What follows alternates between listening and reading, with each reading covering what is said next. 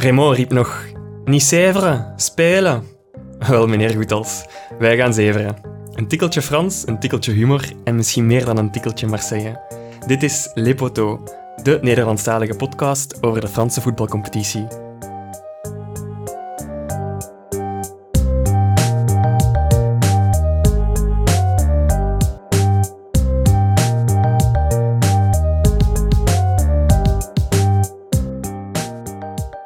Gebeurt niet zo vaak, maar toch is het Marcelino overkomen.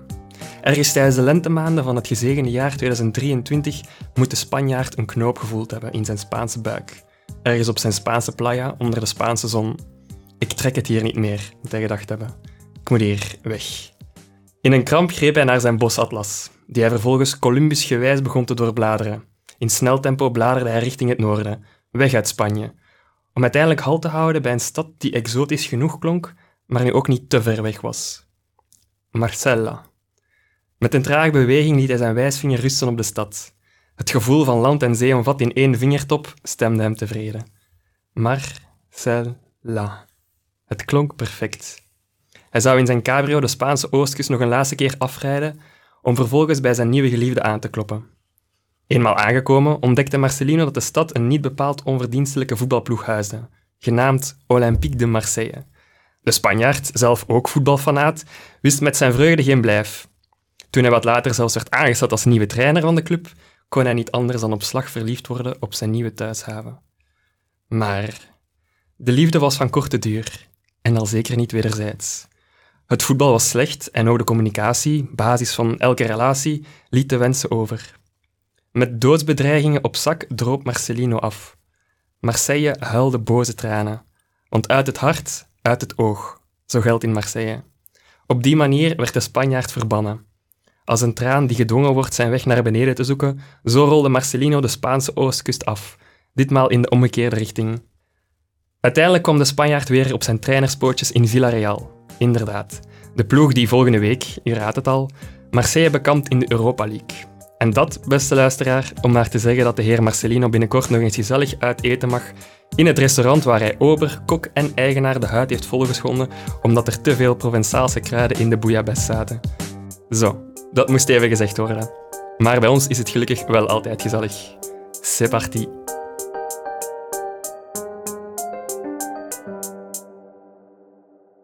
Zo, en nu kunnen we echt beginnen. Um, ik had nog even opgezocht over de uitspraak van um, Marcelino, want ik heb nu altijd Marcelino gezegd. Mm -hmm. Ergens vond ik dat het Marcelino moest zijn. Omdat we toch zo puristisch waren ja, op de uitspraak van bijvoorbeeld Vasco da Gama. Ik, ik, heb trouwens vorige week ook een fout gemaakt. Uh, ik, heb, uh, ik zei altijd Gennaro Gattuso. Maar het is Gennaro Gattuso natuurlijk, want na de G, uh, na de G als er een E achter komt, zowel in het Frans als in het Italiaans, dan wordt het de zachte G. Dus Gennaro. Sorry daarvoor, mijn excuses. dat is geen probleem. Maar, maar dus Marcelino, of Marcelino, ja, ik heb geen, komt terug naar uh, Marseille. Ik heb geen tongpiercing, dus ik zou dat nooit kunnen, nooit kunnen uitspreken op die manier. Ja, ja ik kom terug naar Marseille. Uh, Marcelino. Uh, ja, ik kom terug naar Marseille en um, toen ik de, de tirage au sort zeg, want de Fransen kunnen dat op die manier heel mooi zeggen, de loting voor de, de achtste finales van de Europa League, was ik eigenlijk toch wel ergens blij dat Marseille uh, Villarreal loten. Uh, niet alleen voor, voor, het, voor het voetbal en voor het wederzien van, uh, van, van Marcelino, maar natuurlijk ook voor de podcast, want dan hebben we natuurlijk weer iets om over te praten. En ja, Marcelino, dat is, dat is, eigenlijk, stond het, eigenlijk zou het in de sterren geschreven kunnen staan hebben. Maar hij vindt het zelf blijkbaar ook niet zo erg om terug te keren, want hij, denk zijn eerste reactie was, er hadden moeilijkere ploegen uit de ja, loting kunnen komen. Ja, hij heeft het zelf gezegd. En dat is ook zo ik weet echt niet of hij beseft wat hij allemaal, wat hij allemaal gaat meemaken en of de consequenties van, de, van wat hij allemaal gezegd heeft. Uh, dus nu na de loting, maar ook een aantal maanden geleden, toen hij dus uh, uit Marseille is vertrokken. Uh, ja, en inderdaad, hij is heel hoopvol. Hij zegt, ja, er zijn moeilijkere ploegen dan Marseille. Hij heeft geen schrik. Maar ik denk niet dat Marcelino beseft hoezeer de spelers, de supporters, heel de stad erop gebrand staan Marcelo echt eens goed terug te pakken na wat hij allemaal gezegd heeft en na wat hij allemaal heeft gedaan. Want Marcelo heeft wel degelijk nagetrapt in september, dus nadat hij uh, is, uh, is ja, hij vertrokken is uit de club, dus na die doodsbedreiging, oké, die doodsbedreiging, dat is natuurlijk crapuleus, van een criminaliteit. Het waren van de, van de ultrafans van, uh, van de ultras van uh, Ik heb al gezegd twee weken geleden in de podcast dat die uh, Rachid uh, Zeroual, of hoe dat ik het ook uitspreekt, ik weet het niet. Maar ehm, ja, die, hij op kop dus als, als leider van de South Winners, dus een van de, de meest vurige supporterclubs van Olympique Marseille. ja, die hadden blijkbaar ja, Marseille echt niet de dood bedreigd en die waren echt enorm, enorm kwaad. Ja, om, omwille van de resultaten, de prestaties, uh, en Marcelo, die is dat niet gewoon. Die is twintig jaar lang altijd trainer geweest in, in Spanje. Dus uh, voor zo iemand, als hij dan ineens terechtkomt in een, in, in een club als Marseille, zo vurig, zo passioneel. Hij heeft altijd in, al bij clubs getraind, denk ik, zoals uh, Villarreal, Valencia. Ik daar, is wel een zekere vorm van passie voor het voetbal. Dat, ga ik zeker niet ontkennen. Maar ja, Marseille, dat is, dat is helemaal iets anders. En ik denk niet dat, ik denk niet dat hij dat verwacht had. Um, dus ja, hij is dan vertrokken. En heeft hij een paar weken later in een interview met L'Equipe uh, gezegd dat uh, l'Olympique de Marseille een club is die achteruit gaat en niet vooruit gaat. En daarbij heeft ook een aantal dingen gezegd ja, die, die de, de, de supporters van Marseille enorm uh, tegen de borst hebben gestoten. En ja, hij heeft onder andere gezegd dat een, een, een Marseille uh, een grote club wilt zijn, maar dat het eigenlijk helemaal geen grote club is. Uh, dat er uh, problemen zijn in de jeugdopleiding, dat het enorm fout is, dat, er, dat de, de, de, de ultras, de, de, de, leiders van de ultras dan zoveel macht hebben. Want ja, elke maand is er een reunie, een vergadering tussen de voorzitter, tussen het bestuur en de, de ultras, de leiders van de ultras. en dat vindt Marcelo natuurlijk allemaal niet oké. En maar vooral dus dat, die ene uitspraak van te zeggen van l'OM est un club qui, au lieu de évoluer, regress. En dat, die zin, die, dat had hij volgens mij niet moeten zeggen, want daar gaat hij enorm veel spijt van hebben. En ik denk dat op 7 maart uh, Villarreal dan op bezoek komt in, het, in de Velodroom. Inderdaad. En dat gaat uh, een heksenketel worden, niet normaal. Dus ja, ik weet niet of jij er nog iets aan wou toevoegen. Nee, ja, ik, ik, ik, uh, ik bedenk me nu ineens dat ik ook in de inleiding had gezegd Marcella met een, een L en dat eigenlijk Marcella moet zijn. dat is een rechtzetting ah, okay, ten opzichte van de inleiding, maar maakt niet uit. Ja. Um, maar dus misschien verder op die uitspraak van Marcelino nu, dat hij uh, zegt dat, ja, dat er moeilijkere ploegen uit, uit, de loting hadden kunnen komen. Dat is ook misschien ergens wel waar, want, want ja, Marseille is toch een beetje een zieke, een zieke ploeg op dit moment. Um, de weg naar boven is terug ingezet, maar mm -hmm. met een ja, overwinning tegen een heel zwak Shakhtar. En tegen een zwak Montpellier. Een zwak Montpellier. Um, mm -hmm. Dat is een goed begin, maar ja, er is nog uh, een lange ja, weg te gaan. Het is een heel goed begin. Allee, ik denk, uh, het zijn twee heel overtuigende overwinningen, zeker. Hè? Tegen Shakhtar was het nog eerder meer op karakterrecht. En het was op technisch vlak en, en was het toch, waren er toch nog vrij veel fouten. Het zag er ook even nog heel slecht uit. Ja, uh, toen, dat, toen dat ze eerst natuurlijk een penalty tegenkregen en dan oh, ja. Um, pas ja, in, in, de tweede helft echt er, mm erover gingen en uh, te, ja, tegen een echt een zwak uh, ja, ik heb trouwens de match samen gezien. Ja, ik had trouwens gezegd tegen u, op het moment dat Kloos die fout maakt, een paar seconden ervoor, ja, die, oh, dat wordt penalty, ik voelde het, hè. en het was ja. penalty. Niet normaal, maar echt op een manier waar, waar dat je van denkt van, alleen maar, waarom zet je je been op dat moment totaal niet nodig, veel te laat, dat is echt ja, echt een weggever, die penalty. Dus ja, maar daarna inderdaad, ik denk echt onder invloed van, van, van Jean-Louis Gasset, dat ze echte spelers die uh, echt, uh, ja, ik denk Aubameyang en, en, en toch de, de, de, de, de les cadres de l'équipe, dus de, de belangrijke namen, de belangrijke spelers in de ploeg, denk ik toch dat die de anderen op sleeptouw hebben genomen en echt met, op wilskracht echt uh, voor de, de kwalificatie hebben binnengehaald.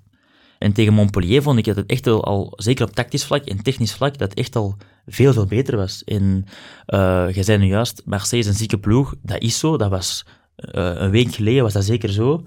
Maar nu heeft Jean-Louis Gasset gezegd uh, dat, dat Marseille eigenlijk niet meer ziek is, maar dat ze convalescent zijn, herstellende. En dat vind ik eigenlijk een beter woord op dit moment. Ja. Want ze zijn nog niet helemaal klaar. Ze zijn echt aan het herstellen. Maar ik denk dat er nu dit weekend bevestiging moet komen tegen, um, tegen Clermont, denk ik dat is. Een ploeg die van onder staat, die eigenlijk helemaal onderaan staan, denk ik. Ja, die staan laatst, achttiende. Uh, en denk, als ze die match winnen, denk ik dat dat een heel belangrijke, belangrijke stap is. Want als ze dat weer verliezen, dan dan zitten we toch terug een beetje in dat dal. En uh, ik denk dat we nu zojuist uit het dal aan het klimmen zijn en dat Misschien, we bekend op de top zijn. Dus. Ja, dat inderdaad nu de diagnose gesteld is. We weten mhm. welke, aan de hand van de symptomen wat het probleem was. En wat dat misschien een van de problemen was, omdat je daar al zei dat het tactisch nu beter loopt, is de opstelling. De mhm. ja, sowieso. 4-3-3 waar Gattuso niet van wou mhm. afwijken. Dat is nu wel helemaal omgegooid. Ja, ja, sowieso, sowieso. Want de spelers hadden ook zelf al gezegd toen Gattuso er nog was dat ze eigenlijk veel liever in een 3-5-2 systeem speelden. Uh, want in, in, een bepaalde periode, vorig jaar, denk ik november, december, speelde Marseille echt in een 3-5-2 systeem. Uh, omdat, de omdat de spelers het het liefst wouden. En, en, en het draaide ook het beste toe een twee spitsen systeem. Zoals ik al zei, uh, Vitinha, Aubameyang, die waren echt goed op elkaar inge, ingespeeld. En dat draaide echt heel goed. Maar dan wou Gattuso, ja, de, de koppige ezel die hij is, denk ik, wou echt koste wat kost, uh, terug naar zijn 4-3-3-opstelling. En dus het eerste wat John Louis Gasset heeft gedaan, hij had gesproken met de teammanager, met uh, Aubameyang, de belangrijke spelers, en zeiden allemaal, uh, coach, geeft ons gewoon heel even die 3-5-2-formatie terug. En dat is perfect uitgedraaid. En je zag het ook aan de spelers op het veld, veel meer dynamiek, ja, ik zeg het. Want er werd ook gesproken ergens over een, ja, een 3-5-2, maar met bepaalde veranderingen. bijvoorbeeld een, ja, met een speciale rol voor uh, Mbemba. Chancel. Chancel. Ja, ja, ja, ja, ja, zeker, zeker. Dit weekend was Mbemba weer de oude, want hij was een paar matchen iets minder, denk ik ook. Ja, na de, na de Afrika Cup uh, even terug aanpassen. Uh, ook de teleurstelling die ik toch wel een beetje bij Mbemba, want ja, ze waren met Congo heel ver geraakt. Inderdaad, ja.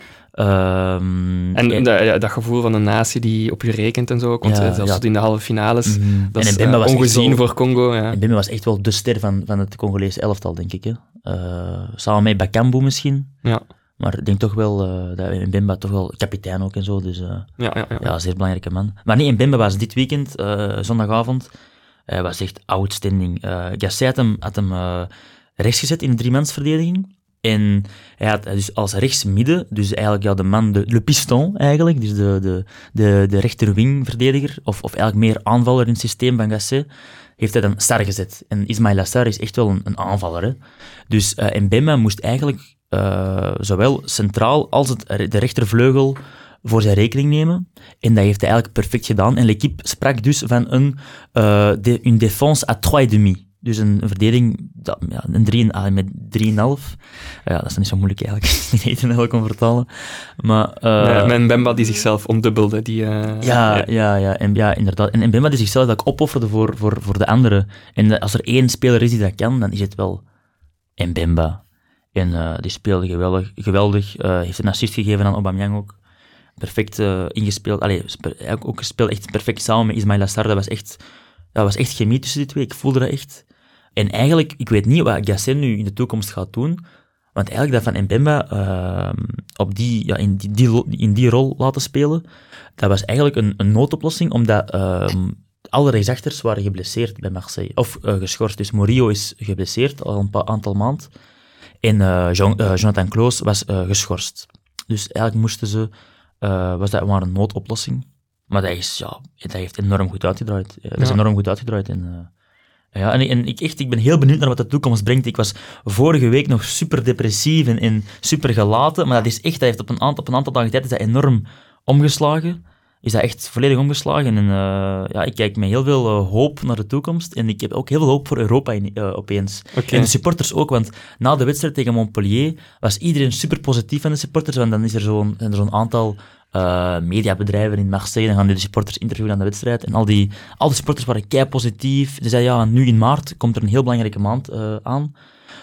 met matchen in Europa, Le Classico tegen PSG in de Velodroom. Dus dat wordt een schitterende maand. Hè. En ik denk, nomen is omen.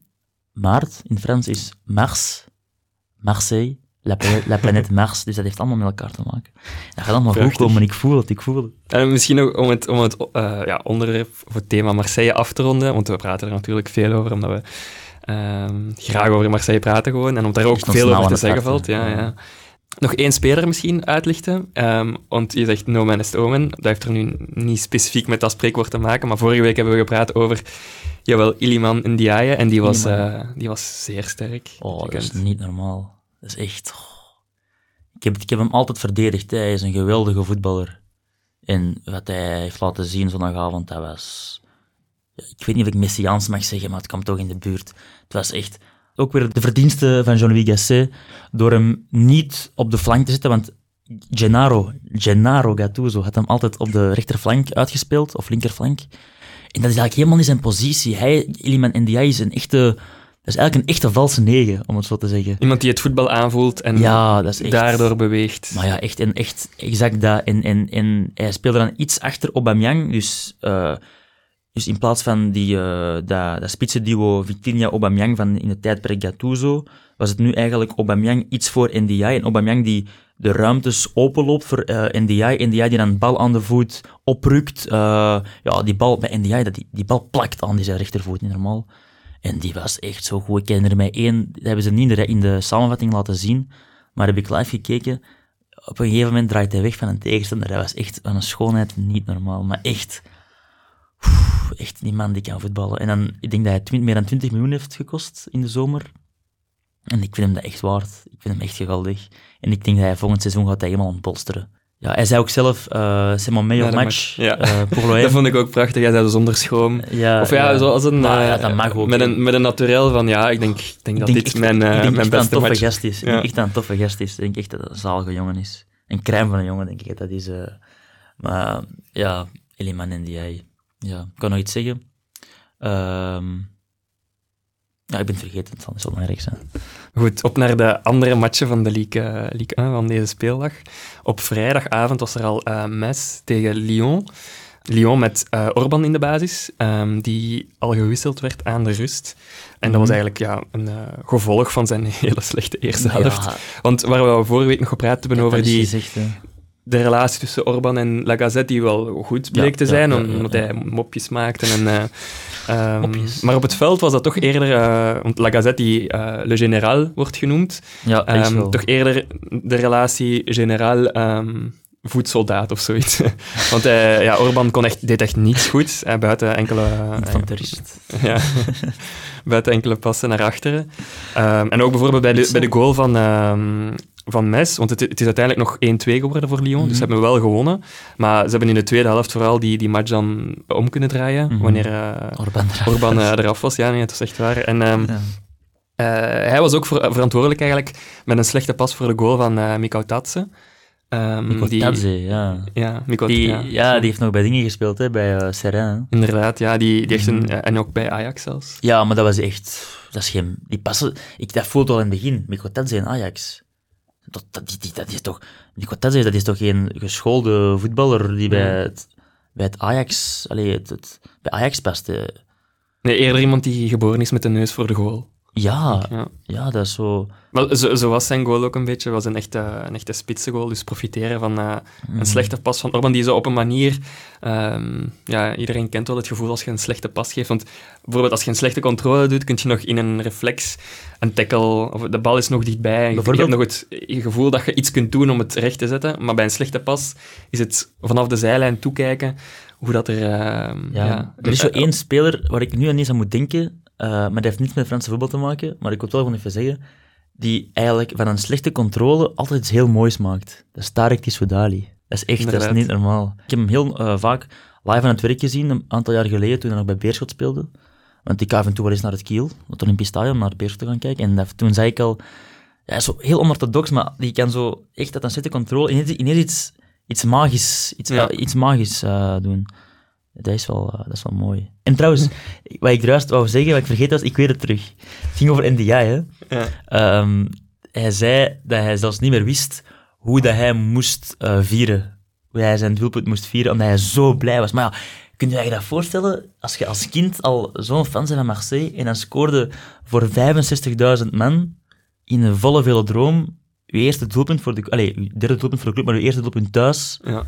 Dat is... Ik denk, dat- ik denk dat er geen mooiere dingen in het leven bestaan. Ik denk als ze later aan hem vragen... Als hem getrouwd... Ik weet wel niet of hij getrouwd is, maar wat is je mooiste dag van je leven? Dan denk je, ga toch dat zeggen? Dat kan toch niet anders?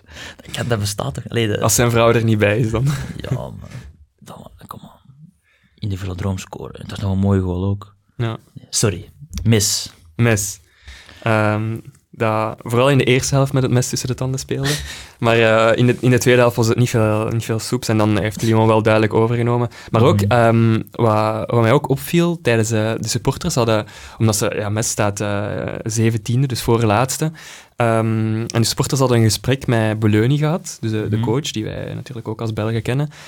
En als gevolg van dat gesprek, of van die klachten eigenlijk, waren ze de, de eerste 15 minuten hebben ze niet gesupporterd. Was in stilte. En net na die 15 minuten wil het lukken dat Mikau Tatse scoort. Ehm, dus eh, om maar te zeggen, toeval of niet, ik weet het niet. Maar dat was wel een, een, eh, een mooie timing alleszins. En dat is daar objectief. En nog speciaal aan die match waren de truitjes van Metz. Ja, van mooi. Heel mooi. Ja, en ook exclusieve truitjes.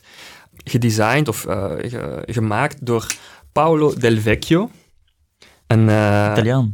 Ja, een, eh, een Italiaan met Franse roots, of een Franse Italiaan, hoe moet ik het zeggen, Ehm, die in samenwerking met Kappa eh, die truitjes heeft gemaakt. En Paolo Del Vecchio is eigenlijk ehm, sinds, ik denk, sinds kort nog maar, de ehm, artist in residence van MES. En dat is ook in het kader van de Olympische Spelen in Parijs, dat ze die samenwerking, of die een soort van samensmelting willen creëren tussen de, de wereld van de kunst en de wereld van het voetbal. En zo omschrijft hij zichzelf ook. Hij, hij omschrijft zich als, kunst, hè? voetballer-kunstenaar. Ja. Terwijl dat hij niet echt een voetballer is, maar hij, hij Mhm. wil echt die, het contact tussen die twee werelden ehm, ja, verzorgen of in, in de verf zetten, letterlijk en figuurlijk. Dat is mooi. Dat is, mooi. Dat is Ja. eigenlijk een beetje zoals uh, Maison Transversale. Ja, inderdaad, die, Ja, die. Marseille, ehm, of ja, en ook in het algemeen Ja, nu, posters nu hebben maken. die echt... nu hebben we er ooit over gesproken, een jaar geleden, toen wij in Marseille waren, en dan zijn we bij hen langs geweest. Eh, en nu doen ze ook echt... eh, ze maken voor heel veel verschillende ploegen, clubs, nu designs, posters, kleding. Vooral die posters die altijd door een andere artiest wordt, wordt samengesteld. En die nu- altijd heel mooi zijn. Ja. Ja, altijd super, echt super mooi, super, super, cre- super creatief. En nu hebben ze volgens mij samenwerkingsverbanden met Lens, Stade Rennes, denk zelfs Toulouse. Ehm, dus ja, dat is wel, nu heb je echt wel meerdere, meerdere clubs mee samenwerken. Ehm, en, maar dus die, die Paolo Del Vecchio die heeft een eigen atelier. En dat is in de tribune van het stadion van Mes. Dat is nice. Dus dat is wel heel cool. Mhm. En ehm, dus het truitje dat nu geproduceerd wordt, dat is echt een, een exclusief eh, collectors item eigenlijk. Want elk truitje is genummerd van eh 1 tot 500. Dus er zijn er in totaal 500 beschikbaar. En Lamco Zee heeft er één ook. Ja, dus... en ze zijn ehm, maar één keer gedragen. Of de, de, ploeg draagt ze maar één keer. Dus Mhm. voor de match tegen, tegen Lyon was het. En ehm, het design is eigenlijk een beetje... eh, want ik heb al de uitleg van gelezen, ik heb wat doorgezocht. Hij wil daarmee een eh, une toile de lin vierge afbeelden. Dus een maagdelijk wit doek, om daarmee de referentie te maken naar een, ehm, ja, een, een, een, eh, een artiest die eigenlijk een, een schilderwerk maakt. Maar tegelijk wil hij daarmee ook het stereotype een beetje doorbreken dat kunst niet alleen eh, door dat wit doek op een, op een, zogezegd op een truitje af te beelden, wil hij de, de lijn doorbreken dat kunst enkel eh, schilderkunst zou zijn. Of die, die Mhm, ja. klassieke, Oké, eh, klassieke klassiek idee van beeld over kunst, ja. ja. Inderdaad. En als je van dichtbij kijkt naar het t-shirt, heb ik mij Mhm. laten vertellen, dan kan je de sponsoren zien en die zijn in een soort van... het lijkt alsof die met een soort van potloodschets op het t-shirt zijn aangebracht. En die zijn ook echt verwerkt in het t-shirt, in de stof van het t-shirt zelf. Dus dat dat zag er Dus ook heel mooi uit. Geen flocage. Nee, geen flocage. Enkel, de enige flocage is die van eh Kappa Mhm. en eh, van het embleem van de club. Oké. En, eh, De rugnummers waarschijnlijk ook. Dat weet ik eigenlijk niet. Misschien wel, ja. Wel- Waarschijnlijk ook de ik rugnummers. Ik, weet moet- niet of dat ze met rugnummers beschikbaar zijn. Ja, ja, denk, want dat moet van de, is officieel van de League 1, dat je Ah ja, ja, dus tijdens de wedstrijd zeker, ja, ja, inderdaad. Ja dat, ja, dat bedoel ik, sorry. En daarbij nog ehm, is er ook de badge van de Ligue 1, die ehm, in de kleur eh Grenat ehm, beschikbaar is voor, voor deze speciale gelegenheid. En dat heeft als mooie Nederlandse vertaling karmozijnrood. En dat is de, ploeg van, eh, de, de kleur van de ploeg Mes. Ah, dus dat is geen Bordeaux, dat mes. Dat is karmozijn rood. Ja, Oké. blijkbaar. Mhm. En ehm, als je zo'n eh, t-shirt wil bemachtigen, ik denk waarschijnlijk zullen ze ondertussen wel al uitverkocht zijn, Ja, dat kost waarschijnlijk. 150 euro. Oeh. En in die prijs zit ook omvat, als deel van het, eh, van het concept eigenlijk, ehm, dat ze het t-shirt leveren in een eh, houten omhulsel of een houten doos. En het is eigenlijk een samenwerking met houtbewerkers, die dan proberen eigenlijk het beeld te recreëren van vroeger, hoe dat een schilderij, uh, ja. een schilderij ook um, ja, getransporteerd Mhm, werd mhm, mhm. richting de, de klanten. En dat je dan, dus uiteindelijk krijg je een heel mooi, er zijn ook foto's van, een heel mooi pakketje, ehm, waarbij dan ook een certificaat is dat het een, eh, om een uniek stuk gaat in, die houten, in de houten omhulsel en met dan het truitje. Eh, en Paolo Del Vecchio is daarmee niet aan zijn proefstuk toe, want ik had dan ook nog wat verder gezocht op die, op die man. En hij had ook een ander project, eh, dat ook heel mooi was, dat heette eh, Squadra Diaspora.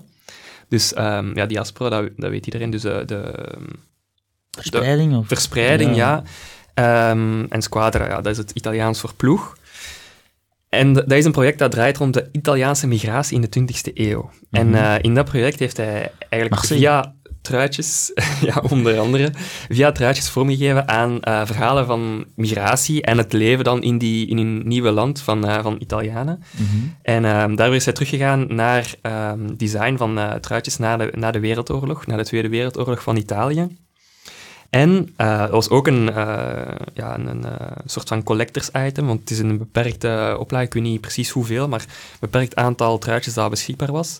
En mensen, dus het was vooral bericht op Italianen die eigenlijk kind zijn van migratie, mensen konden dan de naam van hun voorouders laten drukken op het truitje.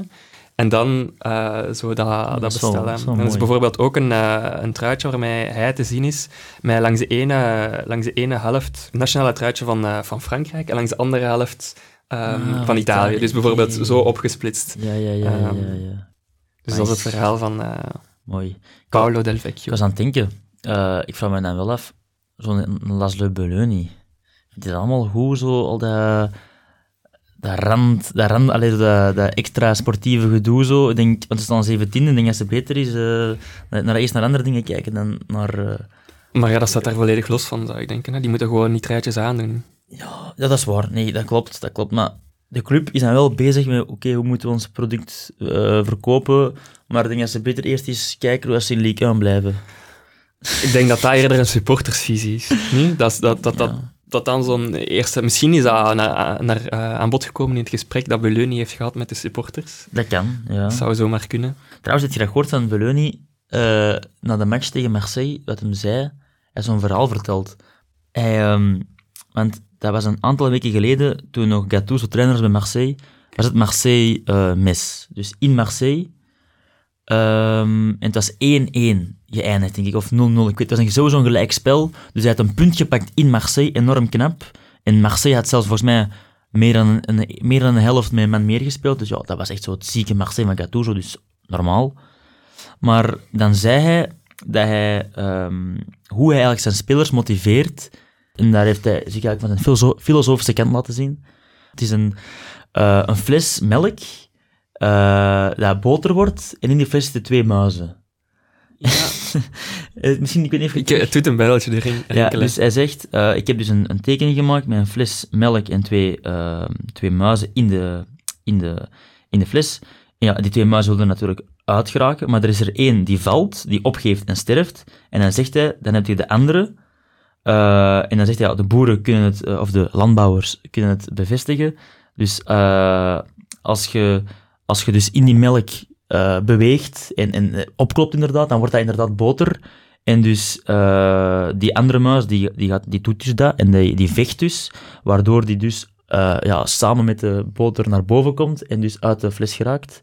En dat is eigenlijk een beetje de metafoor voor, voor een degradatieploeg, van die moet enorm veel vechten en dan zullen ze misschien wel eh, overleven. Ik vind het wel een beetje een rare vergelijking en een raar verhaal, maar Ik heb ja. nog nooit melk tot boter geklopt, maar eh, ja, dat kan wel. ja, inderdaad, ja, ja. Het is ja, ieder room dat je... Dat, Ja. ja. ook niet? boter, ja. Ja, nee. ik denk dat, ja, inderdaad. Raar. Maar wel, wel een mooie Ja, misschien in Roemenië wel, misschien, hè, er andere wetten van de natuur en zo, ik weet dat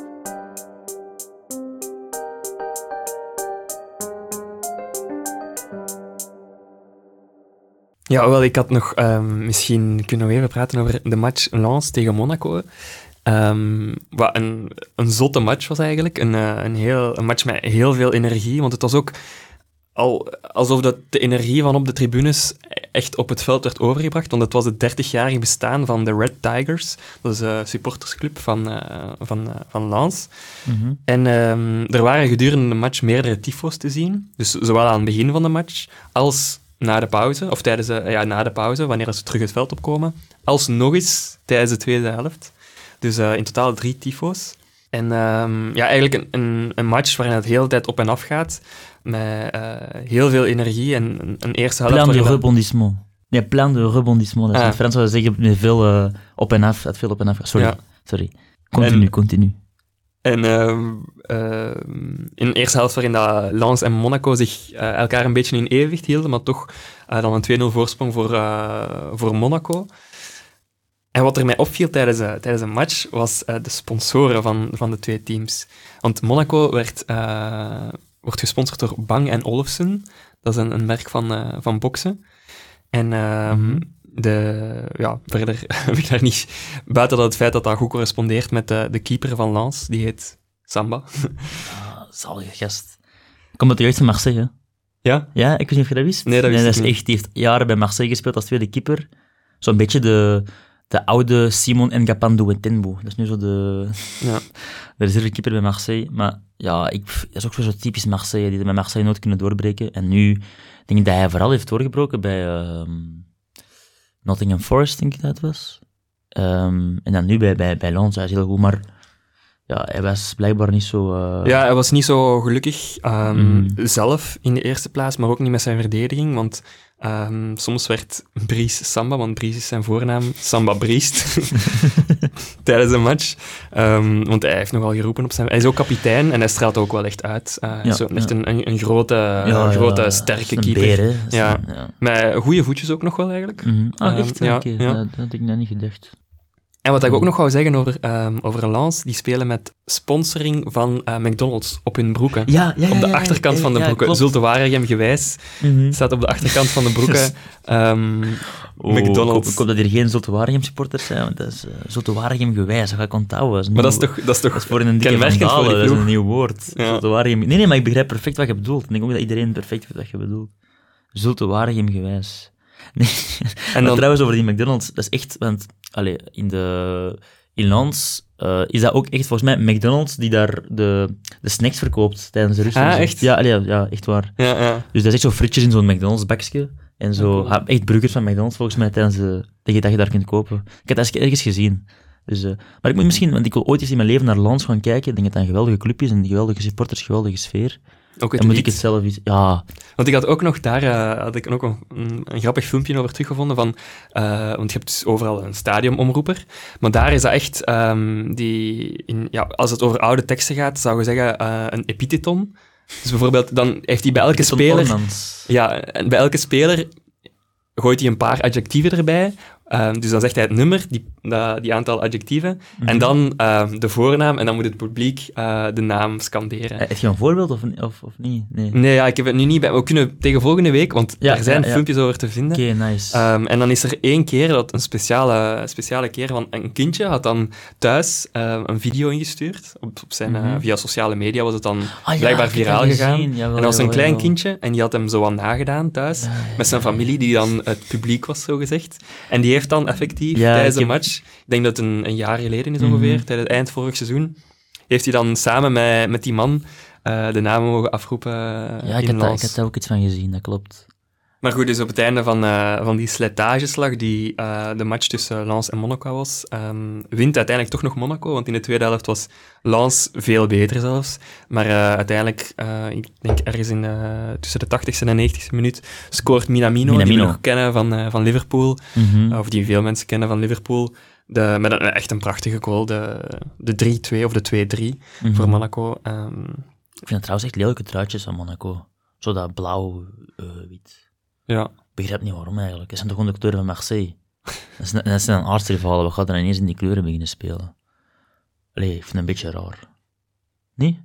ja, wit- witte truitjes, daar heb ik op zich niks tegen eigenlijk. Maar het is echt wit met blauw, hè? Dat is, echt ja. Marseille, hè? Ja. Kom aan. Ja, er zijn, er zijn veel ploegen met wit en blauw. Ja, maar, Lyon bijvoorbeeld speelt toch ook. eh, ja, maar dat is nog meer rood erbij. ja. Ja, allee, ik vind dat raar. Ik zou dat niet doen. Dus, eh, ik, ik, herinner me bijvoorbeeld Maar dat heeft ook niks met Frans voetbal te maken. Maar ja, ik weet niet, precies niet zo een Franse bui vandaag. Maar eh, dat was eh, met een beerschot. Ik weet nog dat ik was eh, een aantal jaar geleden was zo'n promotiefinale Beerschot Cercle Brugge. En ik weet nog dat de spelers van Beerschot toen die opkwamen, die hadden groene opwarmingstruitjes aan. En, en ja, heel stadion uit, uit te fluiten van alleen maar, je speelt er tegen Cercle Brugge in de finale voor, eh, te promo- om te promoveren. Ja, En je komt dan in groen opwarmen. Dat is toch raar? ja dat is raar, ja. Oké, ja. Nee, nee, nee, dat is inderdaad raar. En wie wel in het blauw speelt, is PSG. PSG, ja. Eh, PSG die speelde tegen Rennes dit weekend. Ehm, ja, ja, klopt. Dat is... die, Oh, nee. De zondagavond, of de zondagnamiddag eigenlijk. Ja, zondagnamiddag. Zondagavond is gereserveerd voor de grote ploegen, dat is voor Marseille. hè. Ja. ehm, toen speelde Marseille tegen Montpellier, maar dus daarvoor speelde PSG tegen Rennes. Ja, geen geweldig interessante match eigenlijk. Een Nee. PSG dat zwak was. PSG dat zwak was, ja, klopt. Mbappé die ook niet overtuigde. Ook aan, naar de kant gehaald door eh Luis Enrique. Ja, niet veel kansen ook. Nee, maar één supermooie Daar wou ik toe komen, ja. Die Amin Gouiri. Geweldige Inderdaad. voetballer. Geweldige voetballer. Dat is niet normaal, echt. Oh. Ik heb hem trouwens op onze Instagram-pagina gepost, die goal. En dat is, Want we hebben een Ja, Instagram we hebben een pagina. Instagram-pagina, wauw. Ja, zeker, zeker. Dus allen daarheen en volg ons. Maar dus die, die Guiri, ehm, die eigenlijk de grote brug maakt. En eigenlijk... Ja, ja. ehm, Le Grand Pont, ja. ja, Ja. die eh, Danilo was het, denk ik. Ja, Danilo, ja. Ehm, echt Puur- dat is, dat is staan. gewoon, dat is Ja. gewoon pure inertie. Dat is echt inertie in, in menselijke vorm gegoten, die man. Dat is niet normaal. En dan ook nog prachtig met buitenkant voet afwerkt. Maar echt zo'n Trivela. Maar ik weet niet, want ik was aan het denken, is dat eigenlijk een Trivela? Ik weet dat niet. Is een Trivela niet meer dat je eh, in de... In de verste hoek. Ja, Maar in de andere... Want hij zou hem met links dan buitenkant zou we met dan links hebben. inderdaad. Dus dat is niet Ja. een... Ja, Maar nu zitten we de goal te beschrijven. Misschien is dat niet, eh, niet de best, het beste idee. Maar nee. ehm, inderdaad. eh, en kort daarna deed hij het opnieuw. Deed hij opnieuw Ah, een grote heb ik brug. niet gezien. Ehm, en ook, een, ook weer een geweldige, eh, geweldige actie. Ehm, want het is wel echt een vertrouwensspeler, denk ik, Mhm. die, die ja, kan toveren ja, met, met zijn voeten. Klopt, klopt, klopt, klopt. En wat mij ook was opgevallen aan, aan die goal en aan de match in het geheel eigenlijk, was de, de pas daarvoor. Want ehm Guiri ja, draait heel mooi weg en doet dan... Ja, ja, eh, maar daarvoor is ook de, de pas van Ja, dat was ook ehm, inderdaad heel mooi. Désiré Doué. Ah ja, ah ja. Een van de broertjes Doué, daar, heb ik het later nog... eh, ja, een prachtige naam ook. Ehm, dus eigenlijk een, een pas... Hij krijgt de bal van de verdediging, draait open en speelt direct vooruit. Mhm. Echt een, een precieze bal naar Mhm. Guiri. Ehm, en dus Désiré Doué, dat is ehm, het broertje van... Het kleine broertje van, want hij is nog maar 18 jaar of 19 jaar. Mhm, zeker niet oud, dat klopt. Van, eh van Guela Doué, eh, die dus de oudste is. En het speciale aan die broertjes is dat ze, ehm, dus ja, ondanks het feit dat ze van dezelfde ouders komen, voor een verschillend land spelen. Dus dat komt wel vaker voor in het voetbal, hè? ja, inderdaad, daar wou ik ook toe komen. Ehm, dus Guela, de, de oudste, die speelt voor Ivoorkust. Mhm. En ehm Desiree die heeft alle, alle jeugdploegen van de Franse nationale ploeg doorlopen. Ja, die was meer gewenst misschien, hè? Ehm, maar ze zijn wel allebei eh, begaafd. Of eh, doe je met zo'n zo'n achternaam, daar vind je niet. Ah ja, dan zet je begaafd, hè? Want doet natuurlijk ook meteen denken aan het filmpje van RWDM met de supporters. Un doué, toi. Ah ja, ja. met de sandalen. Eh dat deed me daar aan denken. Die badst- Met die badstofjes was het eigenlijk meer, Ja. hè? Ja, ja. Dat is juist, RWDM. Maar er zijn ook dus andere spelers die... ehm, ik weet niet of er een paar te binnen schieten bij jou. Sowieso, sowieso. Eh, ik ben dan... ehm Rafinha en Thiago Alcantara. Dat zijn ook broers. Zijn dat broers? Ah, dat wist ik dat zelfs zijn niet. broers. Eh, de gebroeder Boateng natuurlijk. Ja. ehm, wie er dan nog? Even denken. Eh, nee, ik weet dat niet voor de rest. En verder had je ook nog de eh, gebroeders eh Xhaka. Ah ja, tuurlijk. Albanië en Zwitserland. Dus ja, Albanië ja, is ja, ook heel gevoelig daar. Ja, ja, ja. Ehm, ja. En bij, verder, broers die dan bij dezelfde ploeg spelen, heb je bijvoorbeeld, eh, of speelden, Nabil en Yassine Fekir. Bij Lyon hebben die gespeeld Mhm, samen. mhm. En dan het specifieke geval waar dat de broertjes eh Guela dus in dezelfde ploeg spelen en dan ook nog eens voor verschillende nationale ploegen. Bij Athletic Bilbao speelt Inaki Williams Die voor Ghana speelt. ja. en, eh, en Nico Williams, die dan voor Spanje heeft ja, gekozen. Ja, ja, ja, klopt. Mhm. En misschien om die match nog af te sluiten, de, de penaltyfase van uh, Gonçalo Ramos. Want het was, Oh. eh, hoe omschreven het? een, de, trainer, de trainer van Ren, ehm Stefan, die zei, c'est un penalty eh, de grandes équipes. Dus een penalty die eigenlijk enkel voor grote ploegen, enkel grote ploegen krijgen. Ehm, en want ze stonden, ze stonden 1-0 achter. ehm, en het was in de, ik denk, Ja, 95e minuut. Ja, ja, echt. Au bout, au bout, au bout du temps additionnel. eh. Ja, dus, ja, dus die Gonzalo, Gonzalo Ramos, die tikt de bal voor zich uit. En eigenlijk Mondanda, die lag eigenlijk al op de grond, dus de keeper van Ren. En ja, die Ramos, die valt eigenlijk al voor dat hem het been van Mondanda raakt. En ik vind eigenlijk dat hij gewoon zelf tegen het been loopt van Mondanda.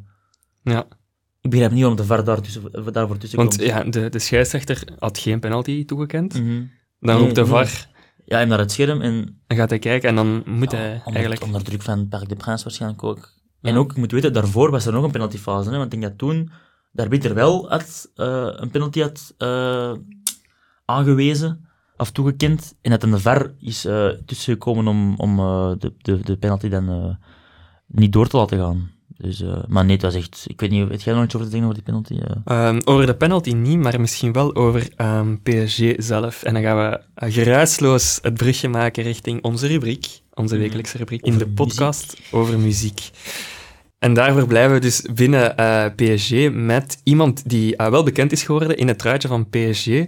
Ehm, en die bekend is onder de artiestennaam Niska. Hij heet eigenlijk, eh, of hij is eh, geboren als Stanislas Georges Danga Pinto in eh, het jaar 1994. En hij is van Congolese ouders, maar wel opge- opgegroeid in, eh, in Frankrijk. En eigenlijk vanaf 2014 is hij bekend geworden aan de hand van verschillende YouTube-filmpjes. Ehm, zoals onder andere Maître Simonard en eh Carjack Chirac. Maar vooral ehm, door, zijn, door zijn freestyle, freestyle PSG. En in die freestyle heeft hij zelf eigenlijk het truitje van PSG aan. En is hij ook zelf aan het voetballen. En ehm, dat, dat filmpje boomt echt. En hij heeft eh, zelfs intussen al, ik denk dat in eh, rond 2014 ongeveer, op YouTube gezet is. En ondertussen heeft het al meer dan eh 100 miljoen views op, ehm, op YouTube. En ehm, het is een freestyle die eigenlijk een, eh, een samenwerking is met verschillende artiesten. Dus Niska zelf, eh Raco, Brigitte, Traficante en Madran. Maar het is eh, Niska zelf die begint. En eh, daar laat ik nu kort een stukje uit horen. Lunettes teintées, non, vitre teintée. Bender, bender. J'partais au charbon, j'porte j'suis pas café. En daarmee wordt het dus eh, heel erg bekend, zeker wanneer ehm, eh, in 2015 ehm Blaise Matuidi, die toen nog voor PSG speelde, ehm, het dansje begint over te nemen voor zijn eh, goals te, te vieren eigenlijk, dat Niska in die clip ehm, doet. Ja, dus ehm, Rick doet het hier al in de studio. Eigenlijk met eh, de armen als vleugels. En zo wordt het dansje ook gedoopt eigenlijk, La Danse du Charot.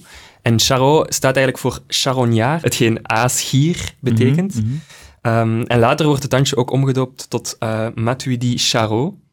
En ehm, zo ja, wordt ehm, Niska bekender en bekender. En in 2017 brengt hij dan eh, een nieuw nummer uit, dat direct, eh, een directe verwijzing maakt naar dat nummer, of naar, eh, naar, dat, naar het dansje, genaamd Réseau. En dit is al iets melodieuzer, iets minder freestyle.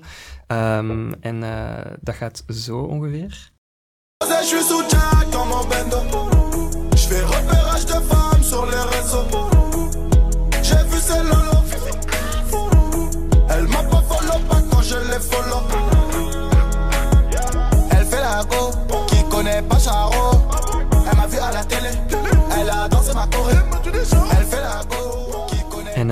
Dit nummer wordt, een, wordt een, in Frankrijk een echte oorworm, zeker met dat geluidje pouloulou. Dat, ehm, ja, echt, eh, het deed me eigenlijk een beetje denken aan eh, dingen als eh, aan Blue Dabedi Dabeda. Ja, dat is een schitterende tekst. Hè. Dat, is, dat, is- dat zegt heel veel. Dat is, ja. Ehm, maar de tekst zelf, dus het stukje dat we gehoord hebben, verwijst eigenlijk naar ehm, hij die eigenlijk eerder als onbekende ja, dan vrouwen opzoekt op het internet. En ehm, die, die hem eerst, eh, hij zegt dan, elle m'a pas follow back quand je les follow. Dus eh, hij volgt ze, maar zij volgen hem niet terug. En dan verwijst hij later naar, naar wanneer die vrouwen dan wel effectief zien dat hij ja, eigenlijk bekend is en dat, dat, dat zelfs spelers van, eh, van, van, van, eh, van PSG ehm, zijn choreografie, of zijn dansje overnemen. Mhm. Ehm, dat ze zelfs beginnen te dansen, Ja, ja, ja. zijn dans beginnen te dansen. Dus om op die manier eigenlijk ehm, dat ze hem eerst afwijzen, zo gezegd, maar dan wel uiteindelijk dat hij zo bekend is dat, dat ze zijn eh Een soort van dansje beginnen kopiëren. Ja, misschien wel. Ja, Mhm. Dus dat, dat was het stukje Nice, muziek. nice, Eh, mooi, mooi, dank u. Dank u. De mooie interactie tussen de muziekwereld en... eh Het voetbal. Yes. eh, Kun je, nog iets te zeggen? Nog een, een, eh, iets iets op de agenda staan of, of niet? ehm, eigenlijk heb ik niks meer op de Ah, agenda staan. Ik heb nog wel iets, nog twee dingen eigenlijk dat ik wil, eh, zeggen misschien. Ik, was, ehm, ik, had- ik, ik, ik, ik had pas iets zien passeren van een interview met Maxime Lopez. Zeg maar even wie dat Maxime is. Lopez is een, is eh, een Marseillais, een voetballer, geweldige voetballer, eh, technisch enorm doué, begaafd. En ehm, eh, hij speelt niet meer bij Marseille, maar hij speelt nu ondertussen bij Fiorentina in Italië. En ik had met hem een interview gezien. en er was dan een, een, een hij is nog een jongen, allee, ik denk dat hij nu 25 is of zo. ehm, maar hij was echt een heel groot talent bij Marseille een aantal jaar geleden. En in een interview vroegen ze eigenlijk aan hem, hoe komt het eigenlijk dat er eh, in Marseille, hoewel dat toch wel een, een grote stad is, met heel veel voetbaltalent, dat er zo weinig jongens uit de eigen jeugd doorstromen bij l'Olympique de Marseille zelf. En hij zei dan eigenlijk gewoon van, dat de, de verwachting is in Marseille veel, maar ook veel te groot. Eh, en daarom zijn er heel veel van die jonge spelers eh, uit Marseille die enorm getalenteerd zijn en naar andere steden in, in- in, Frankrijk trekken. Eh, onder, ja, waaronder Rennes, Lyon, die toch echt wel, of zelfs Le Havre, die toch wel echt enorm bekend staan voor een jeugdopleiding. En dan daar, ja, daar dan uitgroeien tot, tot, tot, goede voetballers. Waaronder bijvoorbeeld Mares. Riyad Mares bijvoorbeeld, komt eigenlijk uit Marseille, denk ik oorspronkelijk uit de jeugd. Maar is naar Le Havre gegaan, waar de verwachtingen natuurlijk veel minder groot zijn. Eh, en dan ehm, zo ja, tot, tot wereldvoetballer eigenlijk. En ehm, Maxime Lopez voegt daar ook aan toe dat ehm, eigenlijk hij gratis kon weggaan uit, eh, van Marseille. Want eh, ja, hij paste, ik weet niet juist, juist waarom, want ik vond hem echt een geweldige voetballer, maar hij paste niet meer binnen de plannen van, van, van de club. Ja, Maxime Lopez was trouwens, maakte trouwens deel van, van die ploeg die in 2018 eh finale Europa League speelde en zo. Ja. was echt een goede voetballer, echt goede voetjes, niet normaal. Ehm, en hij had ook een heel goede band met Florian Thauvin trouwens, eh, die toen ook echt wel vedette was van de ploeg, samen met Payet. En, ehm, en hij, zei, hij er ook aan toe dat dus hij, hij kon gratis weg eh, naar Sassuolo, maar hij had expres, hij wou, hij wou echt zijn contract verlengen, zodat Marseille toch nog iets zou krijgen voor hem. Omdat zijn liefde voor de club zo, en voor liefde voor de stad zo groot is. Dus dat vond ik wel heel mooi, eh, heel mooi om te horen. Ja, ja, Dus ja. ik weet niet, het- het- zeg je nog iets? eh, Nee, nee, ik was aan het kijken naar de, de, de volgende speeldag. Maar er was nog een ander verhaal. Ja, dat is nog een ander verhaal. Ehm, over de paus. Ah ja, Dus de paus. Da- daarmee, dat is een perfect verhaal om mee af te sluiten. Ik was in september in Marseille, dus op Erasmus. En eh, de paus kwam op bezoek naar, Frank eh, naar Frankrijk. Nee, niet naar Frankrijk. Ik kwam op bezoek naar Marseille. Want Marseille en Frankrijk is niet hetzelfde. En dat, dat, dat, zei, dat, zei, dat zei de paus ook. De paus heeft letterlijk gezegd: Ik ga op bezoek naar Marseille. Niet naar Frankrijk. Dat is niet hetzelfde. Het wordt geen staatsbezoek. Ik ga naar Marseille. Dat heeft de paus echt gezegd. Dus eh, ja, ik dacht, ja, ik ben hier nu toch. We zullen maar eens gaan kijken naar de parade van de paus Hm. op de straten van, in de straat van Marseille. En er was een mensenmassa niet normaal. Die, die passie in Marseille, ja, die vertaalt zich natuurlijk ook naar die religieuze passie. Eh, en het mooie was, er waren niet enkel christenen, er waren eh, alle eh, mensen van alle geloofsovertuigingen waren aanwezig in de stad Marseille. En ja, ze gewoon de paus zien, want ja, die, voor, ja, die, die, die, dat, dat religieuze is daar zo, zo belangrijk in een stad als Marseille. Mhm.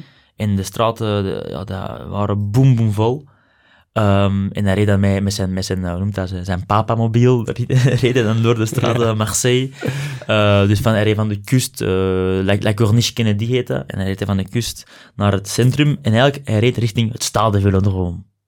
Want in de velodroom ging hij eh, een misviering geven. Dus kun je je dat voorstellen? Dus die geeft een misviering in, in een voetbalstadion. Ik heb de eerste keer ooit is dat er in een voetbalstadion een misviering wordt gegeven. En dat stadion boomvol, het vol met mensen. Die, geeft er, die gaat dan zo eh, aan de Virage Sud. Die stond aan het altaar, was er een altaar opgezet. En dan Jij waart daarbij.